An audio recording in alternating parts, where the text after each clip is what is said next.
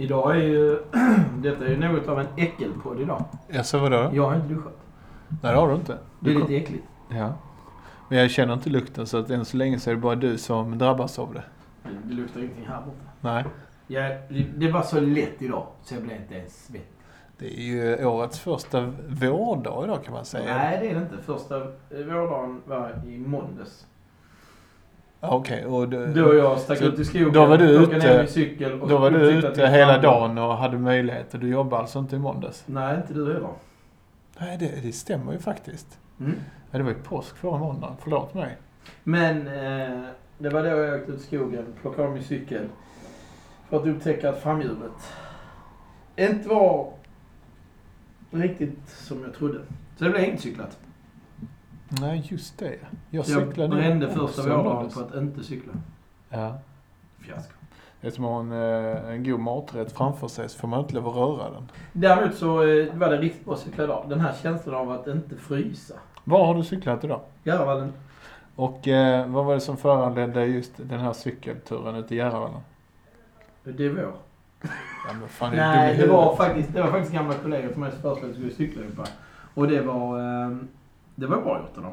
Men, och att vi valde Järvavallen var nog jag som styrde för att jag visste sådär att eh, eh, Vätan och eh, den problematiken är inte speciellt stor där ute. Och det var den inte heller. Så ni som bor i närheten av eh, Barsebäck, åk till Järvavallen och cykla. Spåret är jättefint. Och blir inte, till skillnad från då eh, om man ska vara lite så, eh, nej men om man ska vara lite fostrande.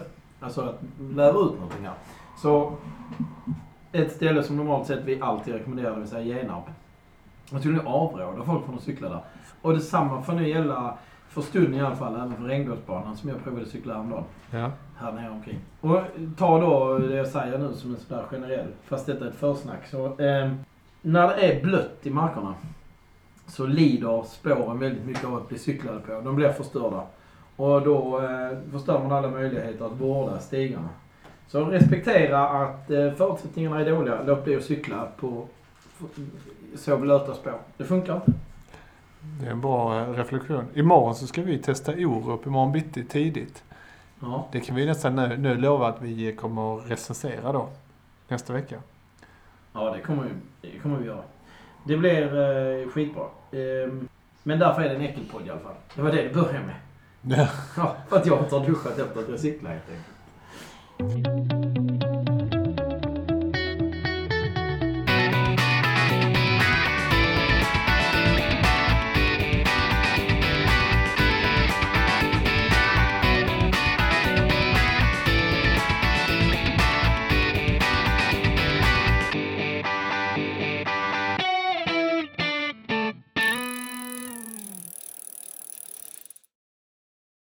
Vi kan ta att detta är en äckelpodd. Um, idag har vi ju en agenda. Ja, det är rätt. Och den, eh, den agendan, eh, den ska vi eh, ta och redovisa. Vi ska faktiskt eh, börja med någonting som är ganska långt från skogscykling. Vi ska prata om landsvägscykling. Ja, vi ska prata om bästa tipsen för den som behöver en cykel för att cykla runt Sveriges näst största sjö. Ja, och det är lite sprunget ut efter en, eh, en förfrågan faktiskt från en kollega till mig som, eh, som ville ha lite tips på utrustning. Ja, och just utrustning är annars också ett ämne för eh, nummer två för dagen. Vi ska prata om våra favoritprylar. Eller Ja. några prylar som vi skulle kunna rekommendera i alla fall. Ja, vi ska tratta ner det också. Vi ska inte bli för långrandiga där, för då kan vi prata i, i oändlighet. Det finns en viss kärlek till prylar. Och sen så ska vi inte avsluta då när vi ändå är på prylar. med någonting som eh, efter förra avsnittet eh, blev, eh, fick lite gensvar. Och det var, vad ska man förvänta sig av en cykelhandlare? Och retail skulle jag vilja prata om. Ja, jag tror att vi har lite olika takes på det, men jag tror det blir bra. Vi kommer ta ut det lite mer i alla fall. Men ska vi gå tillbaka från början och prata om Sveriges näst största sjö? Vi pratar om Vättern. Vätternrundan, ja. Den är ju fostrande. Jag har aldrig själv cyklat den. Jag har varit anmäld eh, och då har jag också ställt in det faktiskt. Det gjorde jag på grund av att jag inte vara så jäkla bra förberedd. Förberedelse är viktigt om man ska cykla 30 mil. Ja, så jag hade faktiskt diskussionen idag med dem jag cyklade med. Det var ett sällskap där, där man pratade om att cykla Cykelvasan och så sa jag, stod jag där och var stor i korken och sa att alla de här klassikergrenarna, de bjuder egentligen ingen större svårighet. Annat än att de är väldigt långa allihopa. Och Vättern tycker jag kanske är mest typisk. Alltså Vasaloppet på skidor från skåningen 9 mil, det är ju en evighet.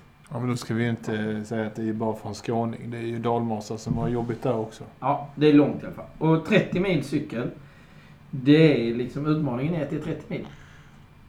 Då skulle ju tesen vara att eh, eftersom det är platt i, i Skåne och det blåser mycket, då skulle ju skåningen placera sig högst på Vätternrundan. Ja, jag har ingen sån statistik tillgänglig, men det har jag svårt att tro. Ja, jag med. Jättesvårt. Dålig radio detta blev.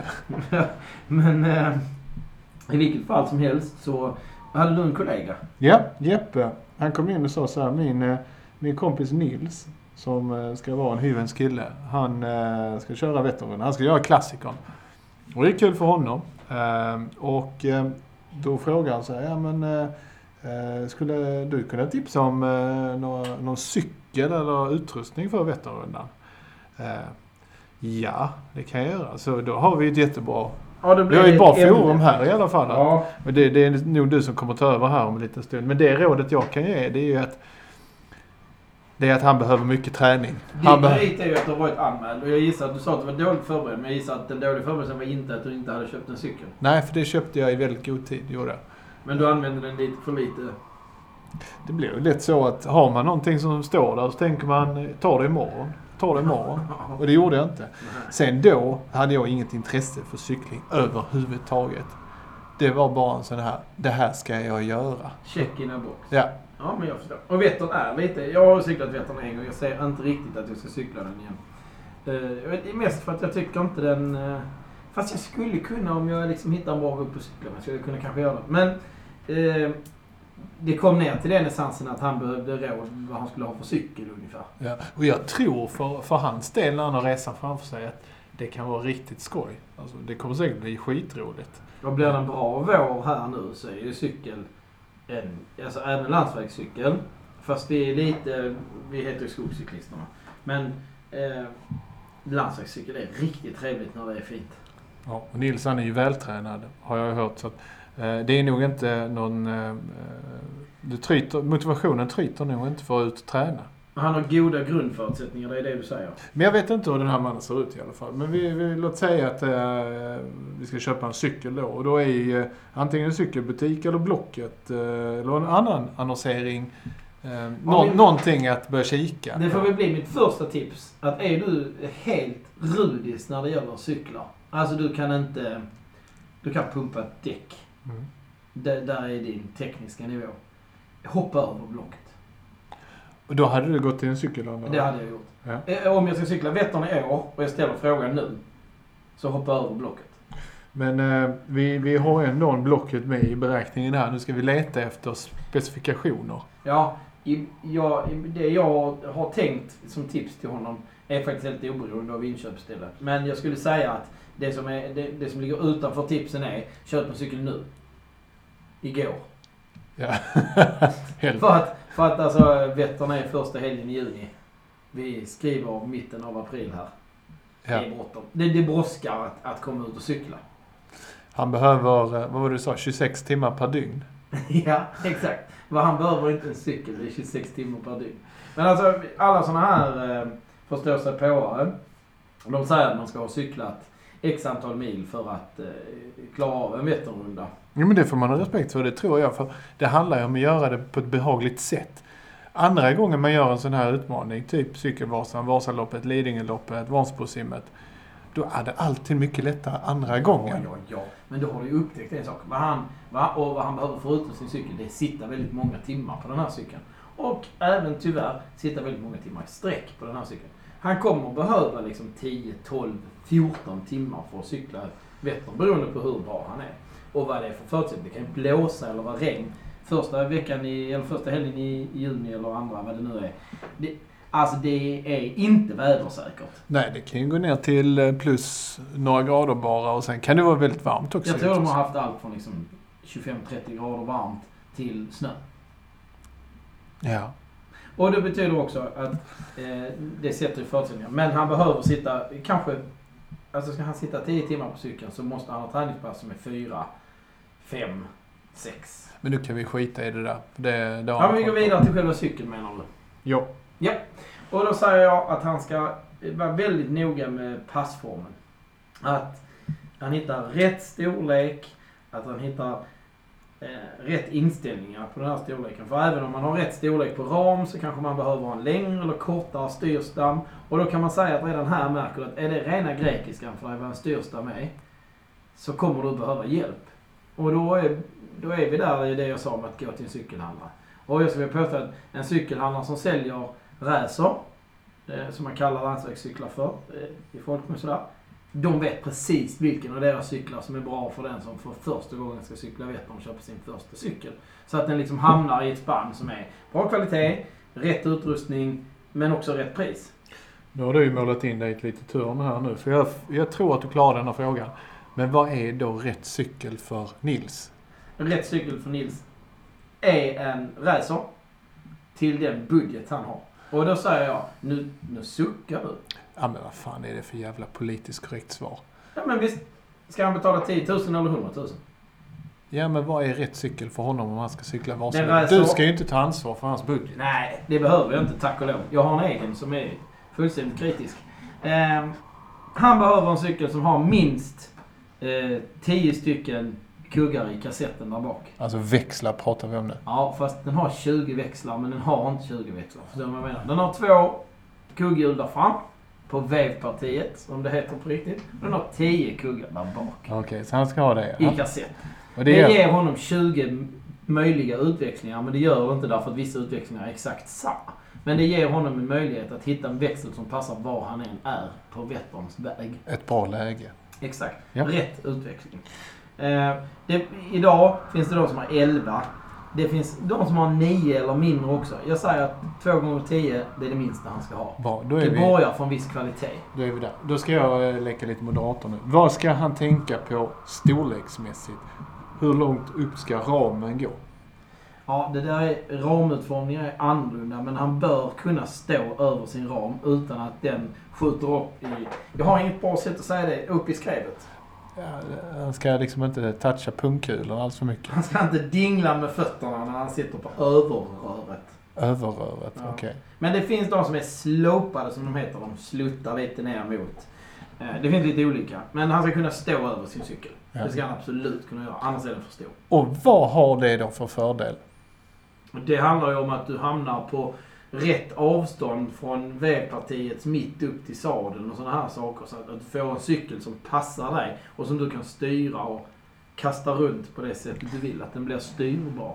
Och nu har vi då hittat en ram som går upp till, eh, till, eh, till säcken då. Ja, Eh, var någonstans ska han ställa sadelhöjden? Vilka referenspunkter ska han tänka sig? ja det, för det första ger ju ramen också, om den är rätt höjd när du står där, någon form av referenslängd också. Ja. Så att avståndet mellan sadel och styre blir någorlunda rätt. Eh, när han sen sätter sadelhöjden ska han tänka på att när han är i, på den nedersta delen av tramptaget, när pedalen är så långt ner som möjligt, så ska inte hans ben vara fullt utsträckt. Det ska fortfarande vara en, en lätt böjning på knät. Eh, och han ska också, det här är jättesvårt, men han bör hitta en lodlinje mellan sadel och vevparti så att han inte sitter för långt fram i förhållande till vevpartiet, men inte heller att han sitter för långt bak. Nej. Och det får ju effekten av eh, att man, i, när man väl sitter på cykeln och har suttit på cykeln en liten stund, så, så blir inte kroppen så ansträngd. Nej, Nej. du, du får ut mycket mer. För det första får du ut mycket mer av kroppen i form av kraft. Den kraft du presterar, den går ut i cykeln. För det andra, blir du inte sliten, du får inte förslitningsskador, du blir inte trött på samma sätt. Sitter du fel blir du trött och du får de här, ja men ont i knän, ont i höften, den typen av problem. Det säkraste sättet att lösa detta, det är att göra en så kallad bikefit. Ja. Det gör han nu som cykelhandlare. Ja, absolut. Och de brukar faktiskt brukar kosta en ganska bra slant. Men de brukar vara värda en ganska bra slant. Och sen säger jag att, och jag lever inte riktigt som jag lär i detta för jag har väl, ja jag har gjort bikefits. Men jag har också inte gjort bikefits och suttit jättebra på cyklar utan problem. Så att om man är beredd att laborera lite och ha lite mer tid. Det har inte vi här i detta exemplet men så kan man hitta det där själv ganska bra. Men bikefit, då är man säker. Och de som gör bikefits, de är ju väldigt duktiga. Ja. Det är, de är oftast utbildade av en cykelleverantör eller någon form av eh, produktutvecklare eller produktleverantör eh, i, i cykelvärlden som har en produkt som har bäring på detta såklart. Mm, ja, precis. Så att de är inte alls... Nu, sit, nu de- sitter Nils då på sin cykel och vi har fastställt höjden. Ehm, och sen när han då ska ställa höjden på sitt styre. Liksom, finns det några referenspunkter där också då? Så Ja, att eh, kroppen det- får en, Då en kommer vi till det här om man köper... bra eller bättre lös, eh, lutning. Ja, vi kan börja med om man kommer till att köpa en begagnad cykel så har jag ett tips. Låt det vara en bit kvar på gaffelröret. Gaffelröret är det som eh, går igenom eh, styrlagret framme på cykeln då. Som du sen fäster styrstammen i, som du i sin tur fäster styret i. att du har lite plats kvar på gaffelröret gör att du kan justera höjden på styret. Eh, ganska så mycket egentligen om det är mycket kvar på gaffelröret. Är den, är den är styrstammen nere i botten så den sitter precis, precis mot ramen och inget rör sticker ut över styrstammen. Då har du problem för då är det den ställningen du har. Så det är bra med det. Så då blir det av med lite justeringsmöjlighet. Men han ska tänka på att den höjden han ger på styret ska inte sätta honom i en sån situation att han inte orkar hålla uppe sin kropp. När man håller i styret ska man inte vila händerna på styret egentligen. Utan tanken är att din bål ska hålla uppe din överkropp. Så att du inte lägger allt tryck på händerna. Lägger du allt tryck på händerna är det då du får domningar och blir trött i axlar och nacke och sådana här saker. Ja, precis. Och ryggen tar också mycket stryk ju för den. Kompenserar ju att hålla upp hela kroppen. Ja. Det man kanske vill, man vill kanske vara låg i sin position för det är väldigt aerodynamiskt. Och tittar man på Vättern så är den ju eh, ganska platt. Men ganska så då utsatt för aerodynamisk kraft, eh, aerodynamisk kraft. Vilket gör att du vill vara låg och, och ha låg, lågt luftmotstånd. Men jag skulle säga att som motionär är det absolut viktigast att sitta bekvämt. Så välj i sådana fall att höja styret lite grann. Det kan man antingen göra som jag sa med gaffelröret eller med en styrstam. Och med styrstammen kan man även då justera längden på den. Eller byta längden på den. Och då kommer styret antingen längre bort eller närmare. Och på så sätt kan man då hamna i en bekvämare position. Här är det, har du gott om tid kan du laborera själv återigen. Har du ont om tid, se till att få rätt. Så att du sitter rätt och inte förstör kroppen. Och sen är det också så, även om det är första rundan du cyklar så kanske det inte alltid känns toppen-toppen. Då behöver du förmodligen bara fler rundor. Alltså, du behöver vänja dig lite grann också. Och sen vad gäller styre ska man ha ett som är så pass brett att man inte... Det ska vara lika brett som dina axlar. Så att du kan sitta med, med raka armar utan att behöva sprida dem väldigt brett eller hålla ihop dem. Håller du ihop dem kommer du trycka ihop hela din överkropp och du kommer att tappa lungkapacitet. Och så kommer du bli jättetrött i rygg och axlar och nacke. Det är superbra tips där. Så om vi har fastställt höjden nu och sen så äh, även höjden på, på styret. Så kommer vi till äh, sådana här väsentligheter som skor och, äh, och pedaler. Vad ska han Ja. kika på där? Ja, du är det en av de tre kontaktpunkterna. Så jag drar ihop det med, vi har styret. Se till att det sitter rätt. Se till att ha en linda som gör att det är skönt att hålla i styret. Du kanske behöver handskar med så här gelinlägg. För att du är, har en viss vikt på händerna. Den andra kontaktpunkten om man liksom följer cykeln bakåt på något sätt, det är sadeln. Och där ska du också lägga mycket tid. Sadeln ska vara bra. Vi cyklar 30 mil. Det kommer göra ont i häcken. Det spelar ingen roll hur bra sadel du har, det spelar ingen roll hur bra byxor du har. Det kommer göra ont i häcken för du sitter så länge. Men det ska vara rätt typ av ont.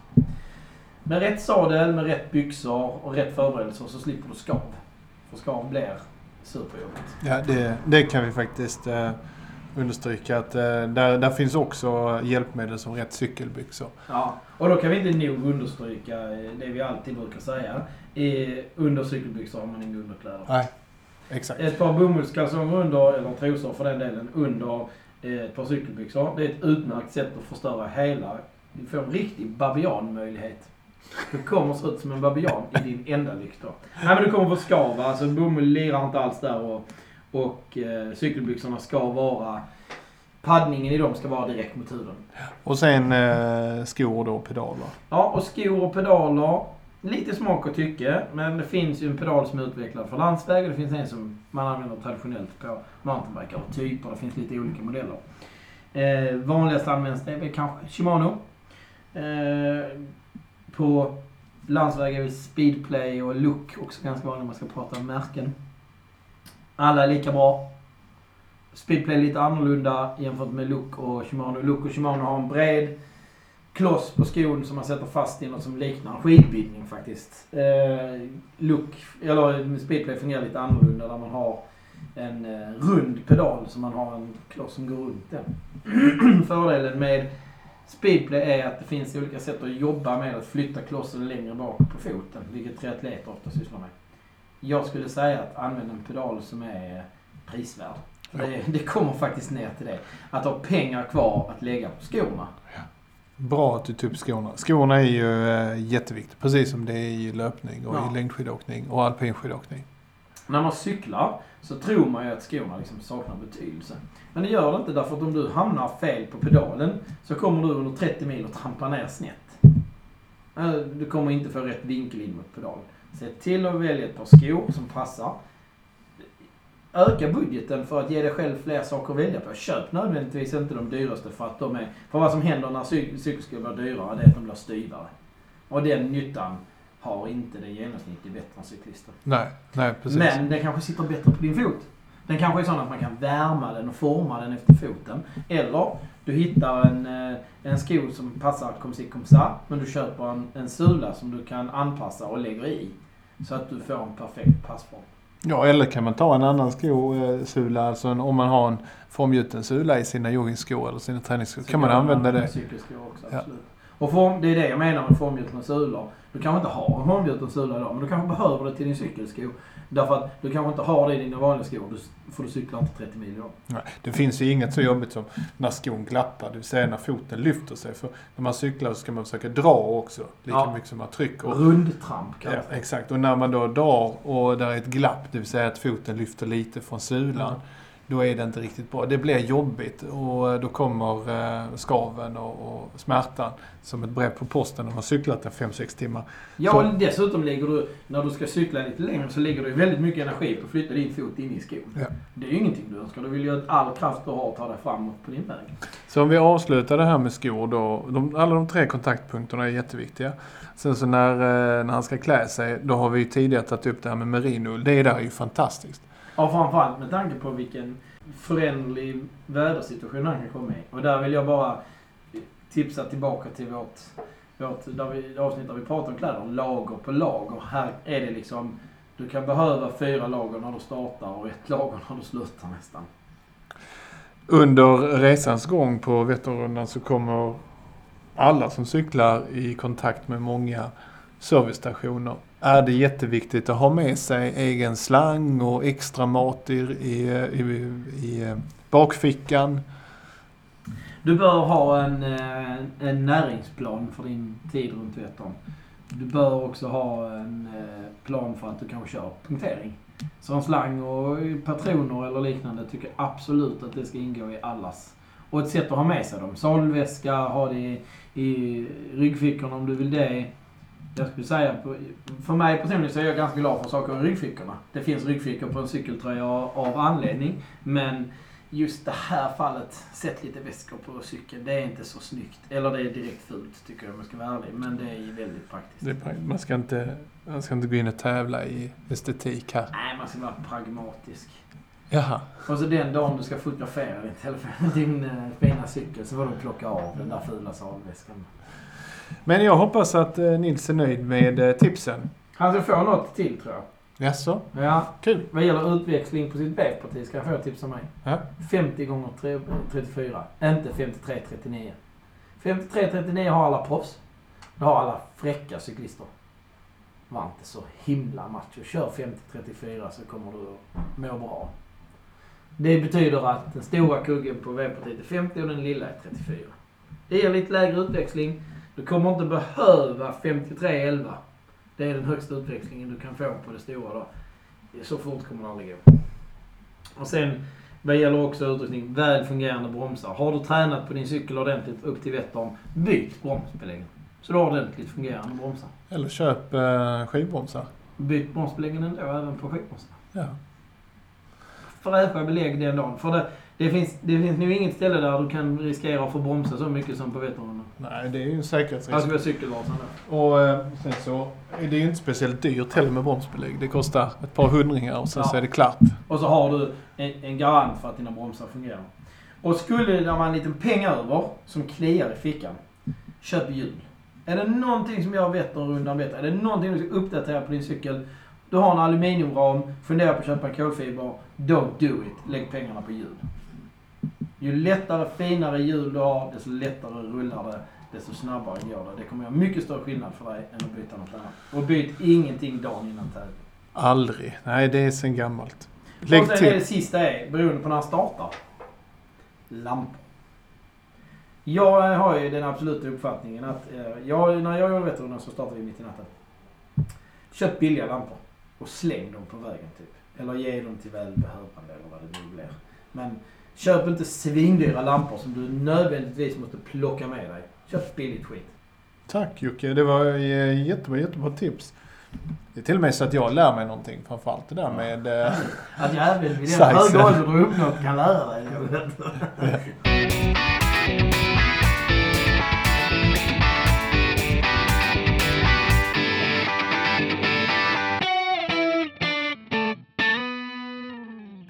Så, då går vi vidare här i programmet. Nu ska vi prata lite favoritprylar, Jocke. I avsnittet och livet går vi vidare. Ja. Ska vi börja med, ska, ska jag börja med en extremt väntad pryl? Ja, Då vill jag tipsa alla om att ha en träningsklocka. bra. Ja, Du får gärna utveckla det. Jag säger, det finns massor att välja på. Och givetvis föredrar vi i, i vår Team Sulto. Även i livet. Ja men eh, som eh, ett par år tillbaka, ganska många faktiskt, så har jag bara använt Sunto. Eh, jag har fått göra något avsteg för att jag var tvungen att ha produkter som Sunto inte erbjuder. Och det lämnade mig både frustrerad och irriterad. Det handlar mest om att man vänjer sig vid ett gränssnitt, tror jag. Jag tror att hade jag vant mig vid konkurrentens gränssnitt så hade jag säkert varit van vid det. Men Och det är där framtiden ligger i just de här sportelektronikprylarna, i gränssnittet.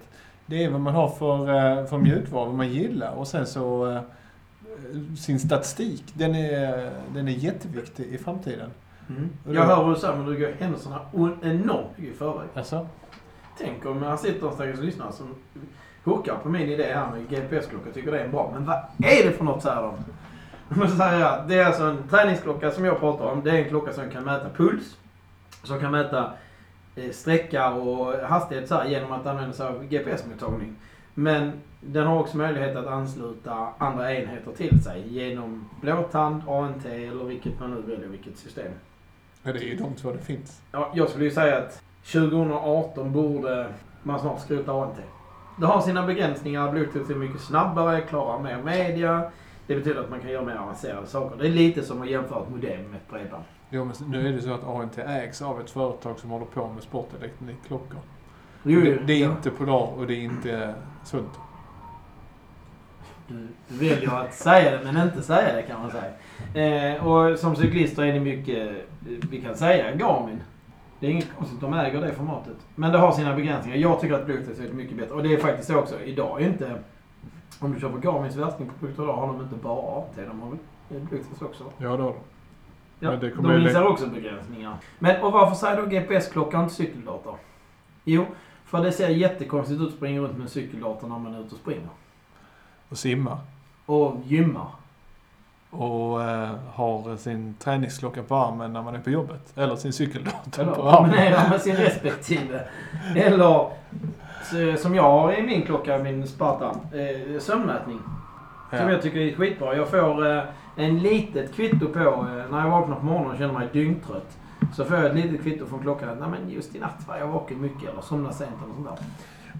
Ja, och sen, men sen ska man också säga det att en cykeldator är ju grenspecifik och eh, det formatet det tillhör själva kostymen, siluetten. Ja. Så att eh, det, det har ju ett, ett annat värde.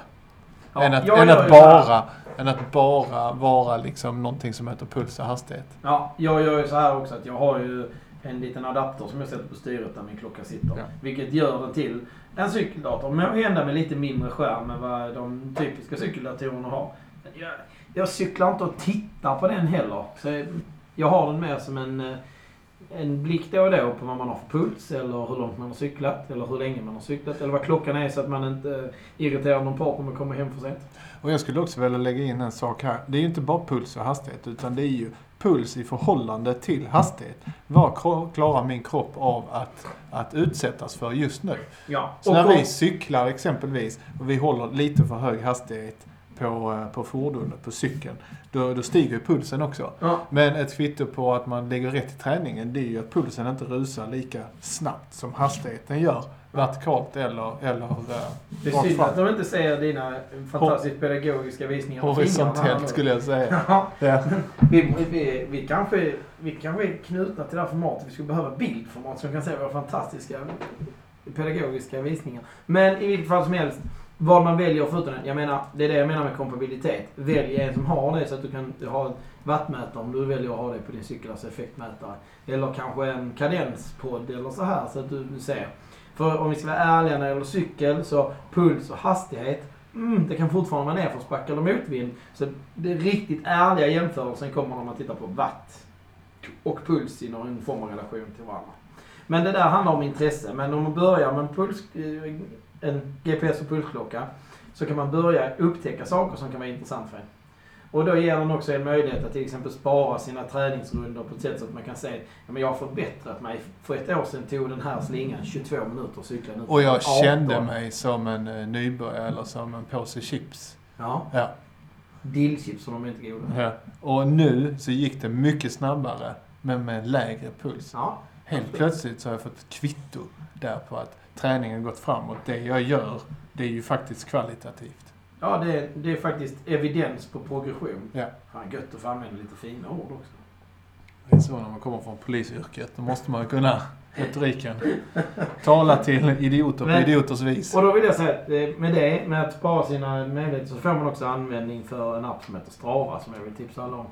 Där man lägger ut sina träningsrundor och även, eh, vi har pratat om det förr, de hamnar i segment. Där man då faktiskt kan virtuellt tävla med andra cyklister om man vill. Eller med, framförallt med sig själv. Gå in på eh, www.strava.com. Superfin och trevlig hemsida. Vi lägger en länk till det. Vi lägger också en länk till Sulto som gör de absolut bästa GPS-klockorna. Och, och eh, Suntus motsvarighet till Strava givetvis. Ja, Moves Count. Ja, och man har ju faktiskt två stycken. Man har ett varumärke som heter Sports Tracker också. Jag har faktiskt använt en eh, funktion i Moves Count som heter Hitmaps. Ja. Flera gånger. För att hitta, när jag är på ett ställe jag inte har varit tidigare, antingen jobbet eller privat, så använder jag den för att se var cyklar de som brukar cykla här? Eller var springer de som springer här? För det finns faktiskt både och. Och då kan man få en hint om var det finns ganska snabbt, kan jag säga så. Om man är nära ett skogsområde och letar efter en mountainbikeslinga så kommer den lysa som neon ja. i de här hitmaps. Och den är också eh, grenspecifik. Så väljer man då till exempel att leta efter terränglöpning så är det en färg för terränglöpning Ja. på en svart karta. Och då ser man var någonstans terränglöpning förekommer i just den bygden eller kommunen eller staden. Ja. Följer ni oss på sociala medier så kommer det finnas en skärmdump på detta. Men det var GPS-klocka i alla fall. Ja, det var ju väldigt trevligt. Jag tycker det är ett bra tips. Och det, var väldigt oväntat eftersom vi presenteras av ett, eh, tillverkare av eh, GPS-klockor. Men jag vill ändå på något sätt... Det är inte en slump. Nej, det är det absolut inte. De gör de bästa klockorna, punkt slut. Ja, och klockor är väldigt... Det är en grym pryl att ha. Sen, min, eh, min pryl som jag vill framhålla, det är cykelhållare. Jag har provat nu cykelhållare till bilen. Inte till att hänga upp cykeln på väggen när man inte använder den, utan till bilen. Och där finns ju eh, många olika varianter. Och där måste jag säga, där har jag helt plötsligt blivit benägen att lägga pengarna på många olika. Det börjar ju med en liten sån här hållare från Biltema som man satte på kulan. vanligt sånt kulspett. Ja, och det var ju bra i sin tid. Sen så eh, när cykeln blev uppgraderad så ville jag ju inte ha en sån. Utan eh, då tog jag ju och investerade i riktiga sådana här räcken till bilen. Jag hade på bilen räcken men sen så sådana här wingbars då som går mellan räckena. Och sen så satte jag då eh, cykeln på taket och så körde jag det något år. Och sen när jag uppdaterade cykeln igen, nej men då ville jag ju ha cykeln där bak. Jag kom på det smidiga i att faktiskt sätta cykeln där bak och inte upp på Och då taket. kände du att den här vanliga grejen man sätter på, som man har på dragkulan, det var inte bra nog. Nej, det var inte bra nog. Eller framförallt så är jag rädd om cykeln. Så då gick jag och köpte en lite större variant av, av cykelhållare på kulan. Ja. Som man dessutom kan ha två cyklar på. Men den finns ju i eh, både tre och fyra cyklars utförande då. Vi pratade om det idag. Magnus som var med och cyklade idag. Vi pratade för vi stod ute i Järvan och så kom det någon med en väldigt fin cykel hängd på en väldigt billig hållare. Och då sa han att han hade sett på forum, så här på Facebook och sånt här. att eh, man nämnde att man ville hitta billiga sätt. Man köper det på Lidl för att hänga cykeln på bilen. Och går du och lägger liksom femsiffrigt, halvvägs till sexsiffrigt på din cykel så kan du väl lägga några tusenlappar på hållaren också. Dessutom håller hållaren oftast... Du och jag börjar ha ett bra lager på hållare känner jag. Vi har kvar allt. Hela resan vi har gjort. Ja. Eh, Men lägg någon tusenlapp på det här. Det blir mycket bättre kvalitet på grejerna. De blir låsbara så att du kan låsa fast din cykel om du behöver stanna till i mataffären på vägen hem från cyklingen till exempel. Mm. Eh, och det, det är också en form av cykelvård. För ju, ju mer man det, du, du var inne på nu så, eh, ju mer pengar man lägger på det, desto bättre blir ju det. Givetvis. Och de håller. De håller ju fantastiskt bra när man kör motorväg. Och grejen är det att man ska inte begränsa sig till att bara cykla där man bor, utan gärna testa nya vyer och nya marker. Och eh, sticka iväg en 3-4 mil hemifrån, det är ju ingen overklighet, tvärtom. Nej. Det är snarare en verklighet. Och då Ja. vill man att cyklarna det ska transporteras på ett säkert och effektivt sätt. Och just det där när man kommer fram, sätta cykeln bak till istället för upp till. Man skitar inte ner sig. Och när man kommer hem från rundan dessutom så är ju cykeln oftast väldigt, väldigt kladdig och skitig. Ja. Då är det lättare att bära den 40 centimeter upp från marken istället för att dra upp Du den. kan till och med spola av den när den 1,40. står på bilen faktiskt. Ja, dessutom. Om du har dem bakom. Det finns fördelar med både de på taket och de på dragkroken. Och tittar ni på världscirkusen eh, i cykling så har de dem på taket. Och alla de teamen, om vi nu har en obegränsad budget, det tillverkas av en kille som heter Leo. Som är belgare såklart. Som allting fräckt när det gäller cyklar är. Belgiskt när det läser cykling. Han kan du måttbeställa då. De beställer ju så att de ska få plats med 22 cyklar på taket. 22 var en raljant överdrift, men många cyklar på taket. Så att de, de är skräddarsydda. Och du kan också beställa din skräddarsydda hållare av Leo. Den kommer kosta lika mycket som din cykel, men du kan göra det. Det är det bästa alternativet. jag hade ju inte gjort det där, jag ska prata klarspråk nu. Det är det sista jag skulle göra, ringa Leo och be honom tillverka någonting åt mig. Jag också, men det är enkelt för att jag har inte råd. Men både du och jag gillar ju samma eh, leverantör. Ja, jag hade gått in på thule.com och, eh, och kollat vad som passade till min bil, tveklöst. Och sen så ut efter det så hade jag beställt en sån. Thules styrka är att de har väldigt många olika modeller. Men de har också anpassat det till extremt många bilar. Det finns modellanpassat. Sen gillar jag ju bilar. Alltså jag har ju i tjänsten alltid kört någon form av cross country. För jag gillar liksom bilar som är lite terränggående och så här. Och sen, sen gillar jag extra mycket bilar med prylar på. Det vill säga ett cykelräcke eller så här. För då känner jag liksom en samhörighet med just den personen som, som har samma smak som mig. Jag ska gärna låta det sitta på. Kanske inte Ja. cykelhållare på Det säger dragkrok. lite grann, det säger lite grann om man har takräcke med cykelhållare. Men cykeln sitter inte där. Men det är samma att när jag inte behöver köra runt och jobba för brödfödan så cyklar jag helst. Ja, det gör det. Och det är ju... eh, Det är ju bra. Det, det skapar ju också diskussionsämnen. Jaha, vad har du på taket? Är det min cykelhållare? Jaha, och sen? Men det som jag gillar med Thule, förutom att de bygger, det är svenskt, det gillar jag också. Men de bygger ju, de bygger ju saker i en enorm kvalitet. Vi har alltså inte spons av Thule. Tyvärr. Det, är faktiskt, det går att köpa sina det. prylar. Men vi har inte det, det ska bara understrykas. Nej, det har vi inte. Vi köper dem för surt skattade slantar. Ehm, och vi gör det gärna. Men de är, de är ju nästan, alltså de är ju bombsäkra grejer. De, de, håller för allt känns det som. Men det finns säkert eh, andra alternativ också. Som inte vi har koll på.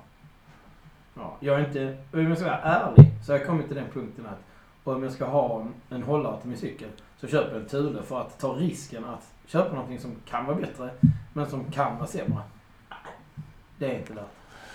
Nej, det är det inte. Men å andra sidan, de som gör dåliga prylar, det kommer ut på sociala medier, det kommer ut på forum och på eh, recensioner att det är dåligt. Och det, då dör det varumärket direkt. Ja, och då vill jag med den ärligaste av intentioner utan någon som helst bakomliggande, bakomliggande fakta säga att jag gillar Thule. Och jag gillar dem som företag också, de gör. Att de säger 'Bring your life' som slogan. Jag tycker det är briljant. Ja, gör man bilbarnstolar? Det gör de va? Nej, det gör de inte. Men de gör barnvagnar. De har barnvagnar nu. Ja. Men det, de, de expanderar ju. De gör ryggsäckar så här. Men allting de gör, det känns som att de gör saker färdigt innan de lanserar det. Det gillar jag. För jag vill inte vara någon guinea pig när jag vi kan prata klarspråk om du ska ha en hållare till, sån här fin hållare till din dragkrok. Så du är, du är av med 4000 spänn. Det är ganska mycket pengar, jag vill inte vara en guinea pig då. Och har man saker på taket som typ sina cyklar så har man dem oftast på då en sån här wingbar som man sätter mellan sina rails. Och där kan man ju sen sätta en, eh, en takbox på det till exempel. Ja. Så har ju jag det nu. Kajakhållare, whatever. Kajakhållare. Ja. Ja, vi, eh, vi summerar denna lilla, eh, lilla produktrecension då med att säga att eh, Pryl och cykelhållare, produkt. pryl och produkt. Cykelhållare är det shit. Det är för mig. Pulsklocka för Jocke. Ja, jag tar nästa grej jag har. Ja. Eh, och då säger jag one by och så låter det så här. I nördigt. One buy. One by, precis. One buy som en, en ett köp. One Nej. buy. Som en gång. Aha. Eh, men gör du det rätt så köper du det bara en gång. Alltså one by innebär att man på sin mountainbike eller gravelbike eller jag tror kanske det finns någon landsvägshoj som skulle kunna köra det också. Har man en klinga fram så att man har ingen framväxel. Och sen så kör man då och det är därför det heter one by. Sen kan det heta 11, 12 eller en gång var, 11, 12. Det, 10 kan det vara också. Finns, eh, så vitt jag vet så har alla leverantörer av växlar system för detta. Och det gör dels att cykeln blir mycket snyggare, det är det minst viktiga. Men det gör också att du blir av med framväxeln. Så du har alla dina växlar eh, tillgängliga med en knapptryckning med en hand. Ja. Jag har testat det. Jag tycker det är fantastiskt bra. Ja. Att köra en klinga. Dessutom kan du ha, det är också en sån här, det är egentligen en pryl i pryl. Klingan fram har något som heter wide narrow. Det betyder att varannan tand är tjock och varannan är smal. Nu är det ett väldigt enkelt uttryck. Det betyder att den matchar kedjan. Så istället för att bara spänna kedjan på öl så ligger den betydligt bättre på kransen. Eftersom kedjans håligheter passar klingan. Sen finns det ju klingor som ser ut sådär också. Som är lite ovala. Ja. Runda eller ovala klingor. Oval klinga, the jury is out om jag ska ha det som en bra poäng.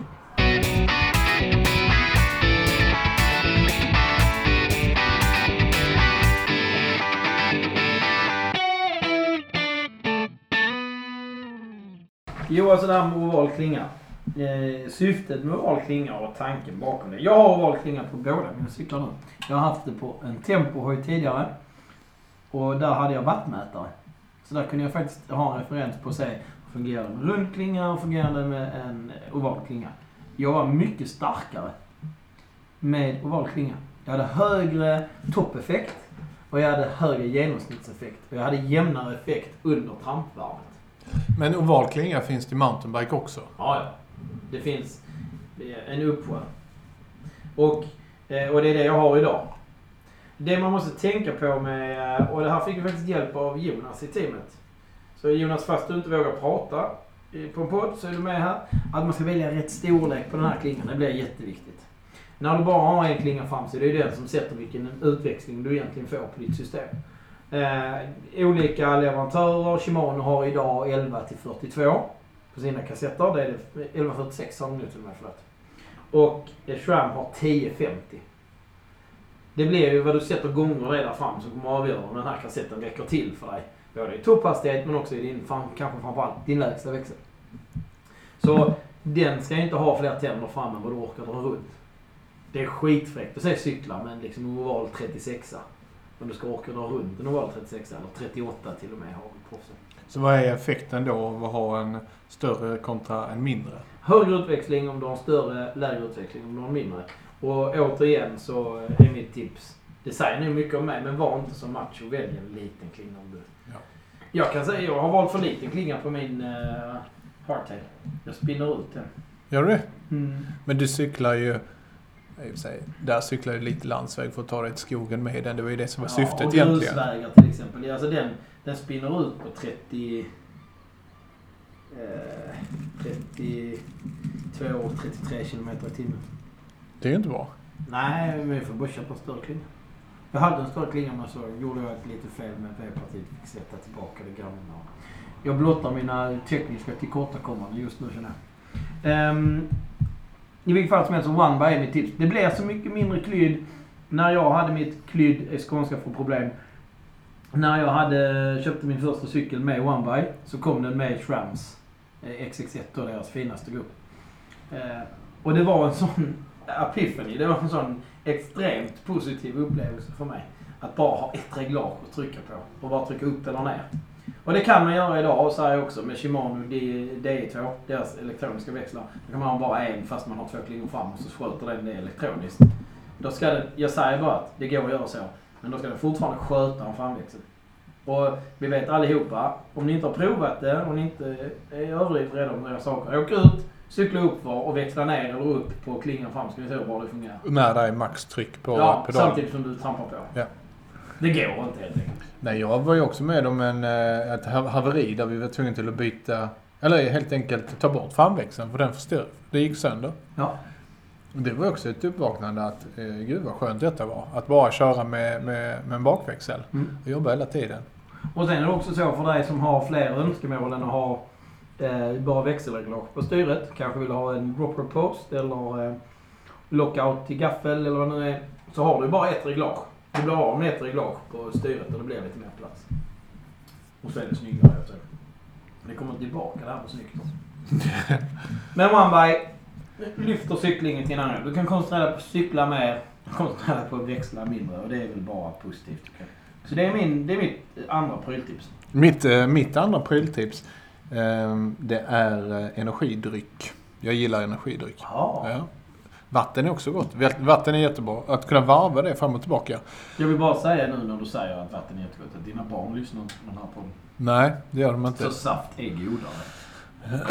Fast mina barn de gillar eh, Saft. saft. också, men eh, de dricker vatten. Så är det. Fast jag kan säga så här, jag, skulle, jag är jättedålig på att dricka vatten.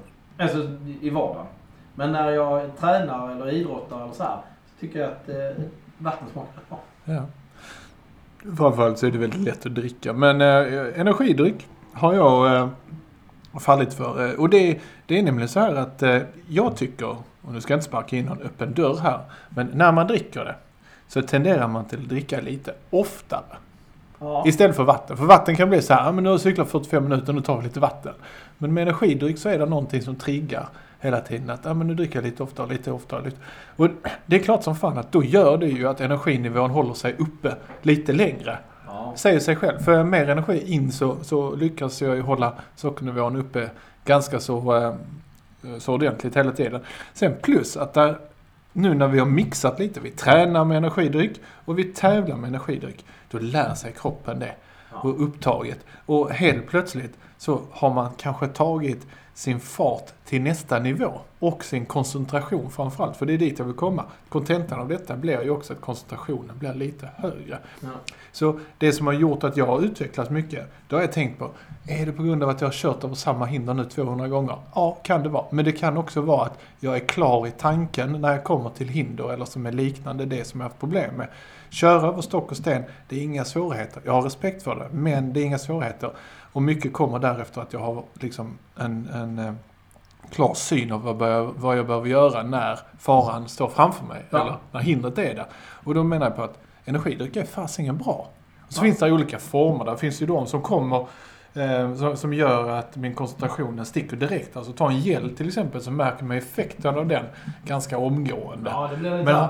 Prova att ta en gel en gång när du inte tränar, se vad som händer. Det Mm. blir rent, jag är i alla fall rent spattig. Ja, men lite så. Jag var ute och cyklade två och en halv timme häromdagen. Ja, knappt vecka sedan och så. Eh, och körde två gel och sen så hade jag energidryck. Jag menar, det, det, är, det är liksom en ynnest att komma, ha cyklat i en och en halv timme och sen så kommer man till ett tekniskt parti. Och jag känner att rullet är där, tajmingen är där. Hela Men det där tiden. handlar om precis det som handlar om Formel 1-förare. De har inget behov av att vara speciellt vältränade för det är inte jobbigt att köra en Formel 1-bil på det viset. De håll- måste hålla vikten nere. Ja, det måste de också i och för sig. Men de påverkas av krafter som gör att man blir trött. Och när man blir trött så gör man misstag. När man misstag i 260 km i timmen, då är man inte först längre i alla fall. Det kan vi vara överens om. Så de tränar ju hårt för att liksom göra det. Men det här att hålla sin koncentrationsnivå uppe, det är precis samma sak vi pratar om. Om mountainbike. För, även, för, för den delen, även andra motionsformer kräver att du är koncentrerad. Mountainbike, du måste eh, komma ihåg att lyfta blicken och göra rätt saker med kroppen i förhållande till vikt på cykeln och sådana här saker. Det är absolut så att eh, har ett fräscht sinne kommer du långt med. Där finns eh, många varianter. Vi har testat eh, Isostar och Enovit och Powerbar och allt möjligt. Vi kör, eller jag kör åtminstone på Isostar för jag tycker det har fungerat bäst. Isostar är helt överlägset. De har många olika produkter. De har det, det som är snabbverkande, de har det som är lite mer svårsmält, höll jag på att säga. Inte, inte i dålig bemärkning, utan som man Som tuggar. tar ut sån energi långsammare. Ja, exakt. Och sen så eh, har de liksom goda drycker och så. Och jag ska säga att jag är ingen läskmänniska och jag gillar egentligen inte söta saker. Men just det här, det har funkat för mig och det har gett min träning en, eh, liksom, en ny innebörd. Ja, men det finns en anledning till att Isustar är partner till vårt cykelteam. Och det är att de har ett brett utbud. För vi är sex individer. Och alla tycker lite olika. Det jag tycker är gott, det kanske inte är samma. Så, och det skulle jag vilja ge som tips till dig som... Eh, ska, du står här inför din Vätternrunda eller du står inför Cykelvasan och du inser att du behöver i dig energi. Se till att det är något som smakar gott. För ska du trycka i dig en hjälp som du hatar, som du, näst, som du klöks av. nej men den, kommer inte gå ner. Jag har ett, ett, ett, ett märke som vi inte behöver nämna då, som gör en, en kolhydratlösning som är högvärdig, om man säger så. Som man blandar så blir den ett, mellanting mellan dricka och gel. Alltså det är så sjukt äckligt och sött och sliskigt och läbbigt. Så jag hade det när jag skulle, för det är många år sedan nu, jag har gett upp det sedan dess. Men som jag skulle kolhydratladda inför och jag fick inte ner skiten. Nej. Och hamnar man i den situationen mitt, alltså mid-race, vi pratar när du är ute och gör den här prestationen, du kanske inte tävlar med första plats men du tävlar mot dig själv. Och så hamnar du i ett läge där jag kan inte dricka mer av det här jag har tagit med mig att dricka. Det är kass. En referenspunkt ska ju inte vara som att hälla i sig en, en sexa whisky rakt upp och ner eller en snaps liksom. Där bara biter ihop och det ser nästan ut som att man Midsommarsnapsen och så har brett... slår man ihop hela jävla ansiktet efteråt. Ah, Fy fan vad gott det var! Det här var gott, det gör vi inte om igen men... Nej, det gör vi till jul igen. Varför dricker vi samma sak till jul och midsommar? Jag säger eh, energidryck. Det är, det är Ja. en pryl som heter Tycker jag. duga. Tycker det är en bra pryl. Jag tycker det är en sån pryl som man ska... Men ge den liksom vad den förtjänar i, i utrymme. Den är viktig för dig. Och där är faktiskt en annan energidryck som jag, som nästan var inskolningen till eh, eh, Isostars eh, produkter. Och det var, eh, det var bakistabletten. Alltså en vanlig sån här tub. Ah, Som så. den kallar, ja men, det, men detta är bakis då, det är Ica, Icas eget varumärke. Men det heter bakis i alla fall. Ja precis. Men jag drack det inte för att jag var bakis utan det är ju för att det är så mycket salt och så. Och sen så tas eh, eh, vätskan ut i kroppen mycket, mycket snabbare och, Mm. och återställer lite vätskebalansen och så. Eh, och så. Det kan jag faktiskt ibland också ha i eh, vattenflaskan. Ja. Men sen, där finns ju, den produkten finns ju hos Isostar också. ja, precis. Ja. Det finns ju salttabletter och sånt också. Men eh, en sån där återhämtningsdryck är inte fel heller.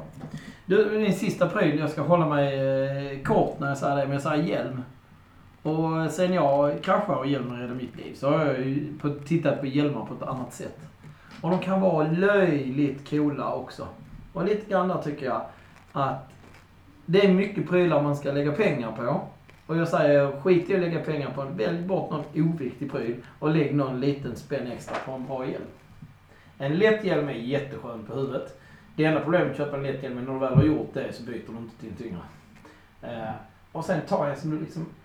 Fan, ser du cool ut i den, då kommer du gilla den liksom. Ser hjälmen cool ut, köp den bara. Låt den kosta pengar, skitsamma. Ja, vi ska ju... Ja, man man ska inte underskatta betydelsen av en hjälm alltså. Det är, Nej, det är, det, är, det är en livsviktig sak. Om en hjälm kostar 1000 kronor eller om den kostar 500 kronor. Så oavsett vad så har den ett syfte och det är ju liksom rädda dig om du skulle ligga där. Ja, det är framförallt rädda någonting som du inte kan laga. Nej. Nej, ska man göra avkall på någonting så blir det ju något annat långt ifrån huvudet. Ja. ja. Helt rätt. Ja, men det var bra. Första gången i livet du håller dig kort. Ja, ja. Det, det var min favoritpryl, det var att du skulle hålla dig kort. ja, ja Min tredje. Ja, jag är inte speciellt lång annars. Nej. Nej. All right. Ja, Tredje pryl. Nej, det hade jag inte. Ja, en bonuspryl. Ja, men skit i det. Vi sparar den. Det är spar. Vi kommer aldrig komma tillbaka till den. Nej. Det är resten av vårt team. stora delar av resten av vår, vår team, cyklar med något som heter gripshift. Ja, ja. Det förutsätter att man använder Shrams växlar. Eh, det innebär att man tar bort sin, eh, ja vad heter det då, trigger, sina knappar till växlarna och ersätter det med ett vred. Som eh, sitter på styret och som blir en, en del av ditt handtag. Och så vrider du på ena hållet för att växla upp och andra hållet för att växla ner. Jag tror du vrider framåt så att säga för att växla ner. Alltså till ett större kugel, en tyngre växel. Och mot dig för att vrida växeln inåt, uppåt. Men, okej. det- Jag vet ju att den här typen av reglage finns, men vad är fördelen där liksom? När jag ska växla dem två, tre gånger istället för att köra ett snabbt knapptryck med min tumme eller pekfinger. Ja, på Shram är det bara tumme. Ja, men på eh, Shimano, Kan du använda både det kan man använda både och. pekfinger? Det är lite bättre, lite billigare. Vi ska säga att det finns en, det finns en konflikt i historien när det kommer till Shimano. Mm, ska vi inte vara. Eh, Detta Jag inte... säger inte att, vad är det du brukar säga? Jag säger inte att du är en träskalle, men har hjälm på dig när hackspetten kommer. Mm. Så vad är då fördelen med att köra det här reglaget när man gasar och, och växlar ner och växlar upp som en eh, motorcykel? Enligt våra vänner i eh, teamet så är det ju att eh, den är inte lika... Du är beroende av att kunna släppa din tumme för att växla när du har en tryckreglage. De håller i styret och så vrider de bara. Så de säger att den är lättare att använda, snabbare, exaktare på det sättet att eh, du kan koncentrera dig på att framföra cykeln i stökig terräng samtidigt. Jag tycker, sen jag bytte till Schram, så tycker jag att eh, deras reglage är grymma. Så att jag tycker att det är mycket lättare med tummen. Så jag, är, jag har ett litet motstånd med att prova gripshift. Och det beror också på att jag hade gripshift på en cykel i, på mitten av 90-talet. Och det fungerade... Då var det inte så bra som det är idag. Min son har det på sin Cresen treväxlad. Jag vet. Det är rätt många barncyklar som har det. Mm. Det är ju i sig ganska bra. Det betyder kanske att det är enkelt. Och vi borde inte vara så stolta och säga att vi inte ska ha enkla grejer. Men om man eh, ska sitta med den här hatten som, som utvecklare av produkten cykel så är det det som kommer göra att det säljs cyklar även i framtiden? Eller är detta bara en grej på vägen? Fast det är ju någonting som fanns och sen så har det lite dött känner jag och sen kom det tillbaka och är ganska bra idag. Och man ser ju många som cyklar med det. Både eh, motionärer, elit och så här. Så Jo, men det, det kommer ju inte göra så att liksom... För att jag tror det är ett alternativ som Att- kan göra det enkelt för, om vi ser till min, jag hade en period när jag inte kunde cykla mountainbike ett par år här. Eh, när jag var tvungen att rehabba upp en skadad tumme för att överhuvudtaget kunna hålla i styret och växla på det viset man gör på mountainbike. Jag hade nog kunnat klara mig med gripshift. Ja. Fast den målgruppen är ju rätt smal om man ska börja leta efter de som har Pajade bruk. tummar. Ja. Men alltså vad jag menar det är att kommer liksom eh, eh, Shimano, om de inte hoppar på den här trenden, kommer de då köra en Hasselblad eller en Kodak och gå i graven bara för att de inte har en, eh, eh, ett sånt här växelreglage? Det tror jag inte. Är det så jävla revolutionerande? Nej, men jag tror faktiskt... Nej, men nu ser man att det kommer som lockout till gafflar och sånt där. kommer liknande reglage. Så att jag tror... Det finns proffs som då har byggt om eh, framväxelreglage till att bli lockout-reglage. Eh, det blir ett snyggare styre så också, om man nu är estetisk. Men jag, nej, jag tror inte det kommer revolutionera mountainbikesporten. Men jag tror att Shimano kommer komma med ett eh, fredreglage. vredreglage. De har ju det på, på sina navväxlar. Nexus eller vad de heter. Så att jag tror att det kommer komma. Jag tror att det kommer vara en sak som finns från fler så småningom. Och tittar man på till exempel OneBuy så var det ju faktiskt eh, Tram som var först med det. Och idag gör Shimano det också. Ja. Och det har påverkat vill jag påstå. Du hade ju ett OneBuy som var Shimano fast är fulbyggda. Ja, jag var jättenöjd. Ja, jag tror att det... Jag är inte säker på att Whipshift har det, den impacten. Men eh, eh, OneBuy har. Där släpper vi prylarna. För denna gången. Ja, och det, det här kommer att bli vårt längsta avsnitt kan vi redan nu säga. Men det är för att prylar är kul.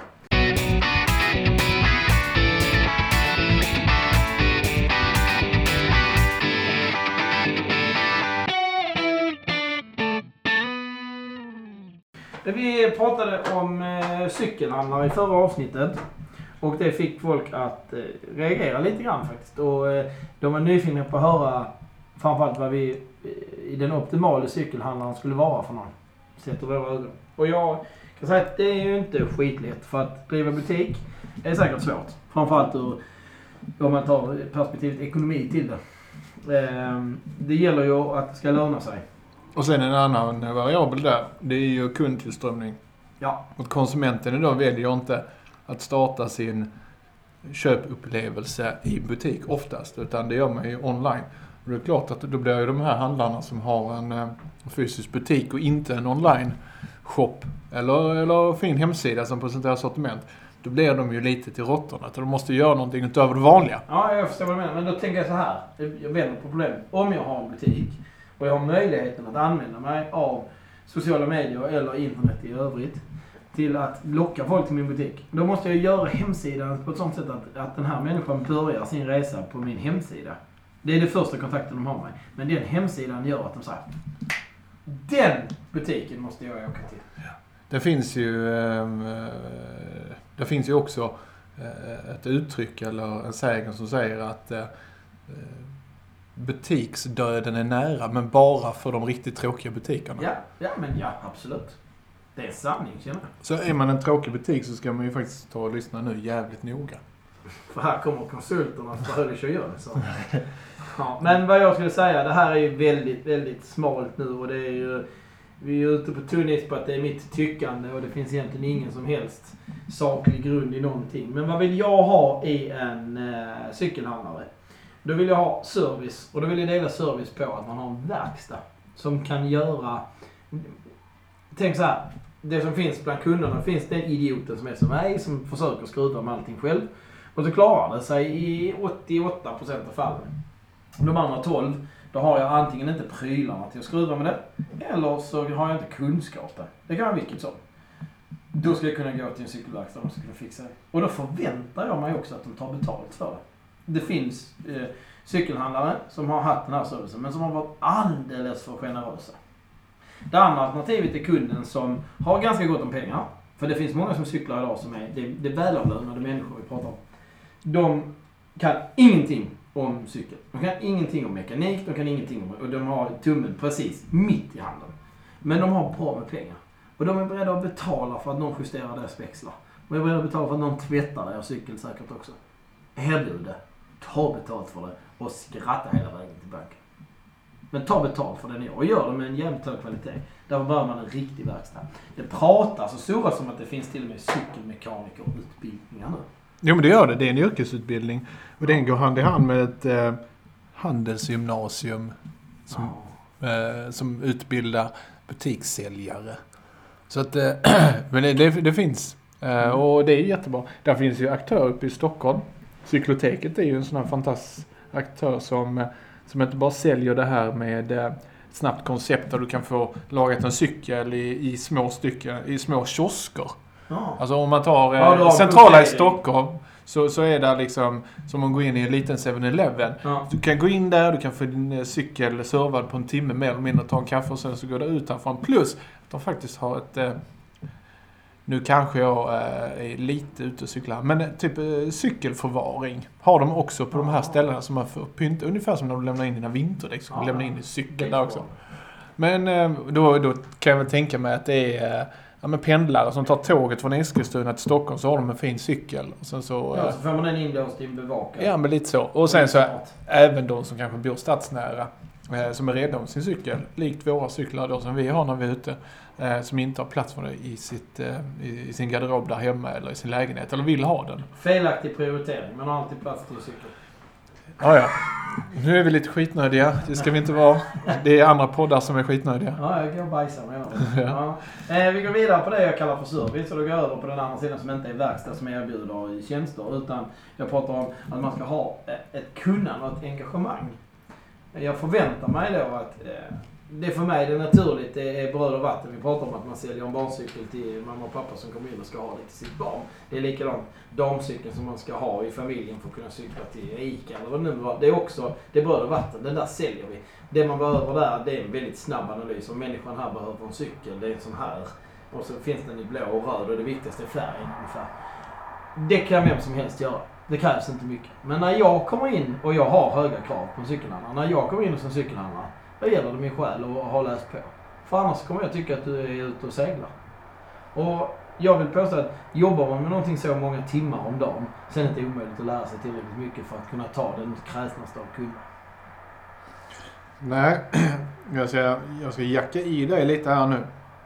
För jag, jag har också en åsikt om detta. Hur man ska bemöta konsumenter om vi ska särskilja eh, begreppen här. Så konsument är alltså den som kommer eh, som privatperson in till, till handlaren. Mm.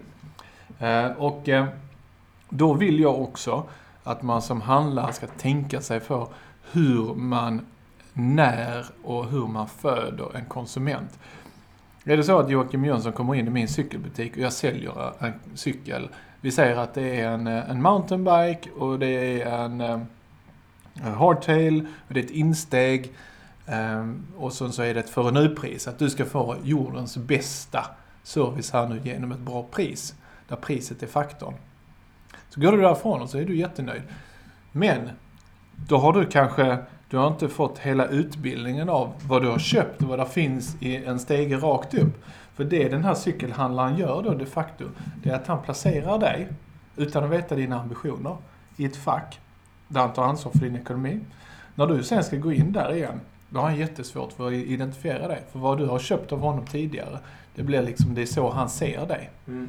Vad jag menar på, det är att när man kommer in i en fysisk butik och där finns en variation, inte alla cykelbutiker, men vissa cykelbutiker har ju faktiskt en väldigt bred variation. Då ska man förklara på ett väldigt proffsigt sätt de olika förutsättningarna med olika cyklar. Man ska alltså förklara utifrån ett syfte. Okej, du ska cykla över stock och sten och du ska köra ner raviner och du kommer gå åt din cykel. Ja. Du är kanske inte där nu, men du kommer göra det. Jag rekommenderar den till dig, men jag kommer coacha dig under vägen. Så vi, vi kommer in och pratar, eller du kommer in och pratar hos mig eh, efter, eh, efter hur din resa är och, och hur mycket du kommer att cykla. Eh, jag rekommenderar en cykel, nu kanske det är lite för, för mycket, men säg 20 eller 25 000 kronor kontra en för 10 000 kronor. Jag tar inget ansvar för din ekonomi, men jag vill bara påvisa att detta som du söker har den här produkten som sitt huvudsyfte. Det vill säga att du ska utvecklas. Och man, jag har stött på det, jag har stött på det mycket tidigare, att handlare utifrån egna känslor och värderingar tog ansvar för konsumenter som kommer in. Ja. Det man gör, det är att man säljer en billig pryl eller fel pryl till fel syfte. Och sen så konsumenten blir inte riktigt nöjd och ingen är egentligen jättenöjd för att handlaren säger att nej fan vi tjänar inga pengar längre i denna branschen. Nej, och nej. det säljs bara billiga cyklar. Ja. Men vems fel är det Ja, egentligen? exakt. Och konsumenten går inte till den handlaren längre. Och där blir liksom en mismatch. Och då helt plötsligt så när man då hela, eh, hela som webbindustrin, vänta lite. Ja. He- Hela, hela e-handlarindustrin. Och det är också bra, för det är de som drar utvecklingen framåt nu. Så som handlare så ska man vara om man inte har rätt sortiment så kan man åtminstone ge konsumenterna förutsättningarna att prata om rätt sortiment. Jag tycker att det- det börjar redan på den. När man börjar med en diskussion om pris och det är det som man sätter som den avgörande faktorn. Då har man börjat fel ända. Vad kan du tänka dig att ge för en cykel idag? Ja, vad har du för budget? Ja, du var inne på det tidigare med den snubben som skulle cykla Vätternrundan för första gången. Det är ju ingenting vi ska ta ansvar för. Vi ska bara se till så att förutsättningarna för den bästa upplevelsen ges. Jo, fast det är samtidigt... Goddag, jag skulle vilja köpa en uh, heldämpad mountainbike som väger under 9 kilo. Nej, Ja, det visst, säger du inte. budget? Ja, den är eh, 14 000. Nej, nej, nej, nej, nej. Ja, visst. Redan köp, där är köp, en, köp en ram så har du det. Hade du varit fotbollsspelare hade du varit offside nu. Nej, det är så här att är du en konsument som går in och säger precis vad du vill ha för 14 000 kronor. Ja men då, då är du antingen eh, liksom bara uppviglad eller dum i huvudet liksom. Nej, som konsument så kommer man in och så, så ställer man frågan vad är det jag behöver? Ja. Oftast. För de personerna som kommer in och säger så här, men jag vill ha eh, SRAM, Eagle, XXX och så vidare. De vet ju vad de vill ha. Eller hur? Ja. Så om vi börjar i den, i den, eh, alltså, i den änden som är mer trovärdig så är det att konsumenten kommer in och säger "Tjena, jag, jag ska cykla Cykelvasan. Vad behöver jag? För det här, ju- just det här caset, det var min svärfar med om när han köpte cykel i höstas. ja. Och där går ju handlaren in och kliver, eller kliver handlaren in och säger Ja men då behöver du inte lägga så mycket pengar och det räcker med 8-9 tusen kronor så får du en hardtail och ditten och datten. Men vad fan vad han skulle sagt är att du ska ju ha det mjukaste, det bästa Någonsin. För att denna cykeln här, den ska ta dig under en resa som kommer att vara minnesvärd. Så att du vill göra den resan en gång till. Ja. Till en ännu bättre tid. Då jobbar ju både du och jag inom försäljning och vet att om man börjar i, i, ändan med priset så har man redan målat in sig själv i ett hörn. Men jag förväntar mig när jag säger engagemang, det är precis det jag menar. När du kommer in och säger jag ska köpa en mountainbike.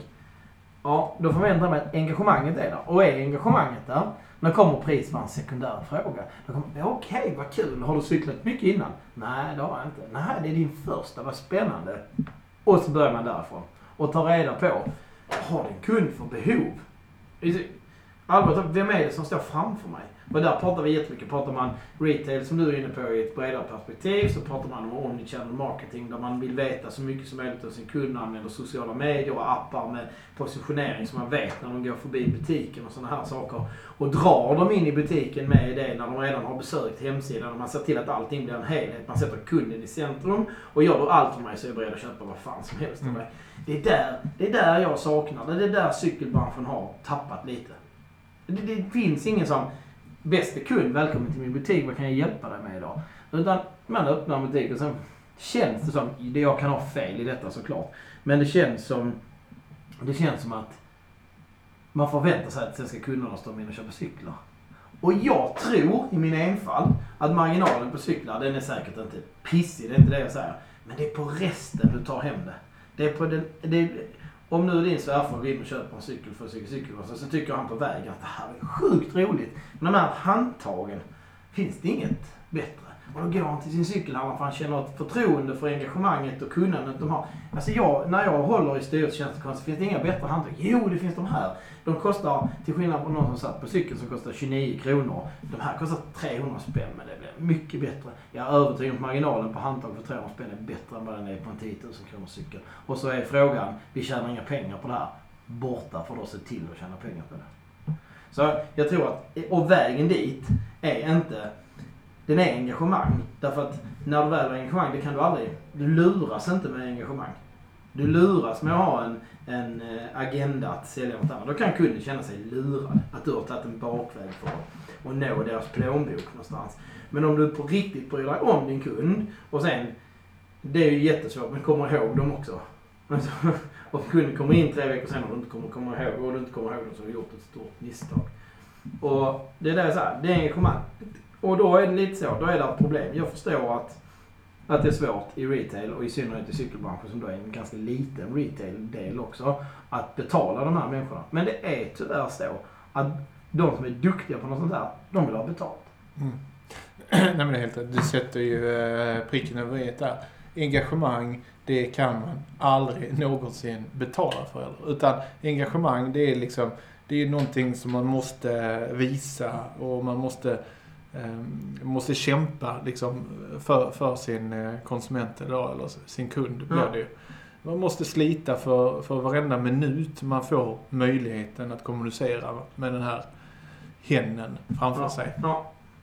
Och sen säger jag, utöver det, när vi pratar om i det här och utnyttja, då ska du, när du pratar i internet så är det kanske svårt om jag är en liten cykelhandlare i en liten ort så att säga, eller liten, men om jag är en cykelhandlare i en liten det är jättesvårt att ha en fantastisk hemsida som drar folk. Nyttja de som du har som leverantör och de du säljer. Bara för att eh, liksom, eh, knyta ihop säcken här nu så. Vad jag inte vill se, det är ju, eh, i, i cykelbutiker framförallt, det är liksom det här ta ansvar för priset. Det, och det, det blir liksom en sån, eh, vi, vi har nu lagt 20 minuter säkert på detta, men det blir en sån ful svans av det. Utan visa god servicevilja och, eh, och prata syfte och upplevelse istället. Ja, Det det, tror kommer, jag- det är det du säljer. Ja, det, det blir liksom, det blir uh, cykelbranschens framtid. Ja. Och då vill jag säga att vill du ha en, den perfekta cykelbutiken så ser du till att ha en lokal anknytning. För det du inte kan fånga från nätet, det du inte kan fånga de här, de här vägarna som vi känner till om retail. Det kan du göra genom lokal anknytning. Är det ett cykelevent i närheten, det kan vara en tävling eller vad som helst. Teama ihop med, som vårt team håller på med, teama ihop med någon sån. Gör grejer med dem. Se till att vara på plats. Öppna butiken en söndag fast du inte har öppet på söndagar för att de kör en cykling den dagen. Så att man kan svänga förbi butiken och, jag vet inte, titta på cyklar. Köpa en korv, whatever. Prata om drev och handtag. Exakt, och då kommer vi till nästa. Se till att din cykelaffär är en fristad för cyklister. För cykelnördar. jag säger det igen. Gör inte butiken för den som kommer in och köper en damcykel var 20 år. Gör butiken för den som får fan tåget bli inställt. Jag går förbi Mickes cykelbutik. För han finns det alltid något att snacka om eller titta på. Och jag lovar dig, den kunden som får en timme för att tåget blir inställt. De kommer inte köpa en, en 100 000 kronor cykel vid varje besök. Men de köper kanske gel eller en eh, styrlinda eller en cykelkeps när de ändå är där. Och gör då det så. Men där är, eh, där är de som har kaffebar i sin cykel. Skitbra idé. Tänk den som ändå bara ska ta en kaffe. Det är klart att jag gör hos cykelaffär. Jag tycker det är en jättebra idé. Vad tror du är, är det som har gjort att man, man har ställt en kaffemaskin inne i butik? Vad är det som har föranlett det? Jag menar att det finns ju en extremt stark relation mellan cyklister och kaffe. Mm, ja, precis. Det är någon som har tänkt till. Man vill behålla kunden inne i sin butik. Ja. Om Det du, då har, om du då har en snabbgrej i verkstaden. Ta en kaffe så fixar vi det. Där är ju bilverkstäder ett föredöme. En Ja, bilverkstad. är rätt trå- Ja, okej. Ja men alltså du, eh, om vi bara namedroppar här nu så jag var och lämnade in min bil på Volvo i Helsingborg igår faktiskt. Och, alltså då, de, de är ju nästan så här. "Eh, Kaffe, får jag lov att bjuda på kaffe? Nej, jag måste sticka nu liksom. Eh, Men eh, just det där att behålla konsumenten, att få konsumenten till att lukta på något gott och få en positiv vibb. Det gör ju att, att upplevelsen där blir så mycket starkare. För det man inte vill som handlare, det är lämna, eller ha en konsument som lämnar butiken med en dålig upplevelse eller en, eh, en dålig inställning. Nej, det är, eller ett dåligt minne av sitt besök där också. Eh, och, det, och då se till att det då är... Då, då följer jag en sak med detta. Eh, engagemang, cykelnördar, naturligt sortiment. Då måste du ha cykelkepsen som de kan köpa vid ett spontanbesök inne. Du måste ha... Nu kommer dina ventiler igen. Men det, det kan ju inte vara... Ja, de ligger så att de låg här. Är det, nu håller Micke upp den här lilla påsen. I den påsen är en lapp. Den skulle, man skulle kunna faktiskt, jag gör så här. Skit i påsen.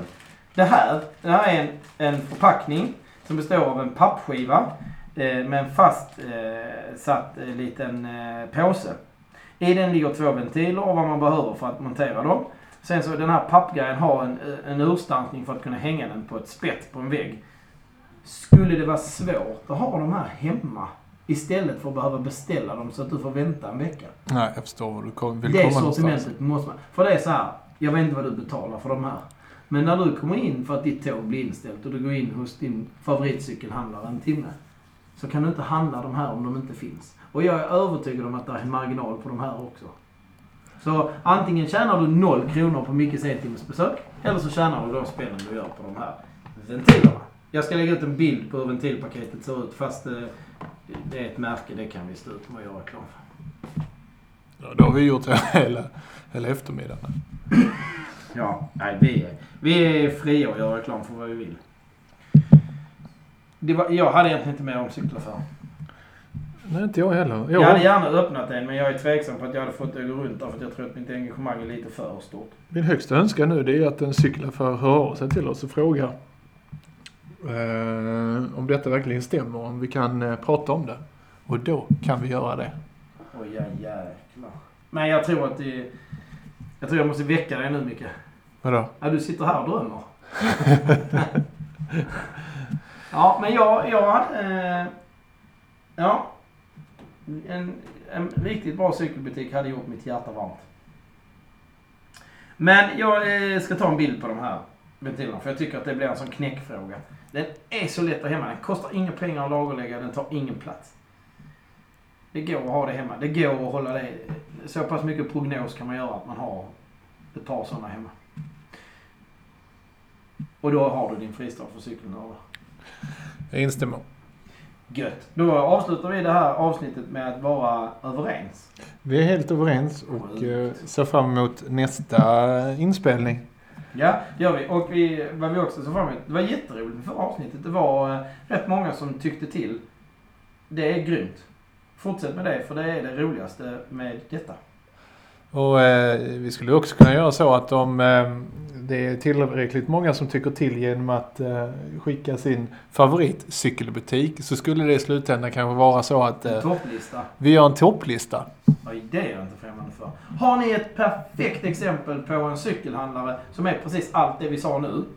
Tipsa oss så ska vi intervjua dem i podden. Det, det är ett löfte. Ja, ta det från dig. Och eh, när vi spelar in detta ska vi säga att det är lördag. Nu är klockan nästan tre. Solen uppe i många timmar till. Ut och cykla med er! Det är skitgött där ute! Tja! Hej då!